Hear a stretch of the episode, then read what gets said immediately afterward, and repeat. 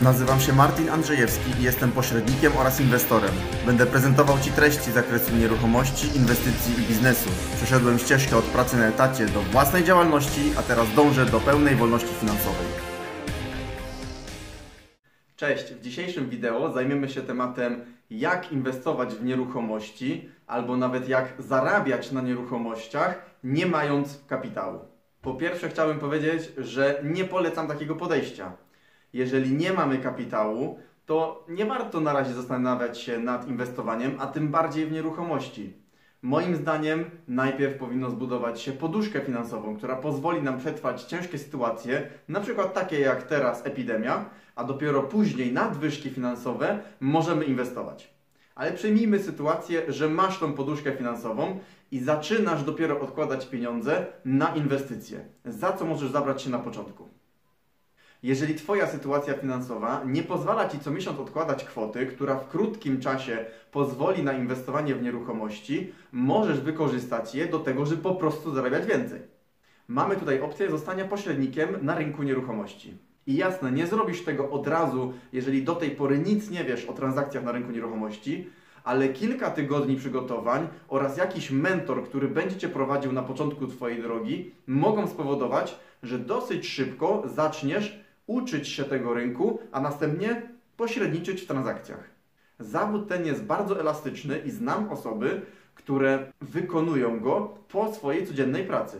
Ja również na początku swojej przygody przez kilka miesięcy pracowałem dalej na etacie, a po pracy działałem jako pośrednik.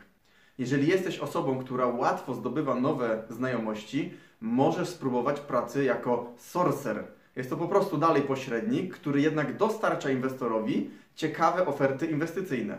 Budując sobie znajomości wśród i inwestorów, i miejsc, gdzie takie oferty mogą się pojawiać, na przykład komornicy, spółdzielnie czy rzeczoznawcy majątkowi, możesz łączyć obie strony, w zamian za to otrzymywać wynagrodzenie w formie prowizji. Drugą formą zarabiania na nieruchomościach bez jakiegoś dużego kapitału jest podnajem. Bardzo popularna ostatnio forma, która polega na tym, że wynajmujemy od kogoś mieszkanie, gwarantujemy mu przez jakiś okres czasu, przeważnie jest to spory okres 5-10 lat, regularnie co miesiąc czynsz, niezależnie od obłożenia mieszkania. Następnie w naszym interesie jest to, żeby podnająć mieszkanie dalej i zarabiać na różnicy czynszu między tym, co my oddajemy właścicielowi, a tym, co dostajemy od najemcy. Czasem wykonujemy na swój koszt jakiś remont, ulepszenie nieruchomości, żeby zmaksymalizować zyski z najmu. Musimy to ale dobrze przeliczyć, żeby okres trwania umowy umożliwiał nam zwrot naszych kosztów, a następnie jeszcze zarabianie. Taka działalność ma niski próg wejścia, ale w sytuacji takiej jak mamy teraz podczas koronawirusa, może się okazać, że jeżeli przez kilka miesięcy nie będziemy mieć najemców, dalej musimy płacić czynsz. Dlatego ten sposób inwestowania lepiej byłoby trochę przesunąć w przyszłość, kiedy będziemy mieć już pewną poduszkę finansową, która umożliwi nam utrzymanie tego podnajmu nawet w cięższej sytuacji. Trzecim pokrewnym sposobem jest zarządzanie najmem.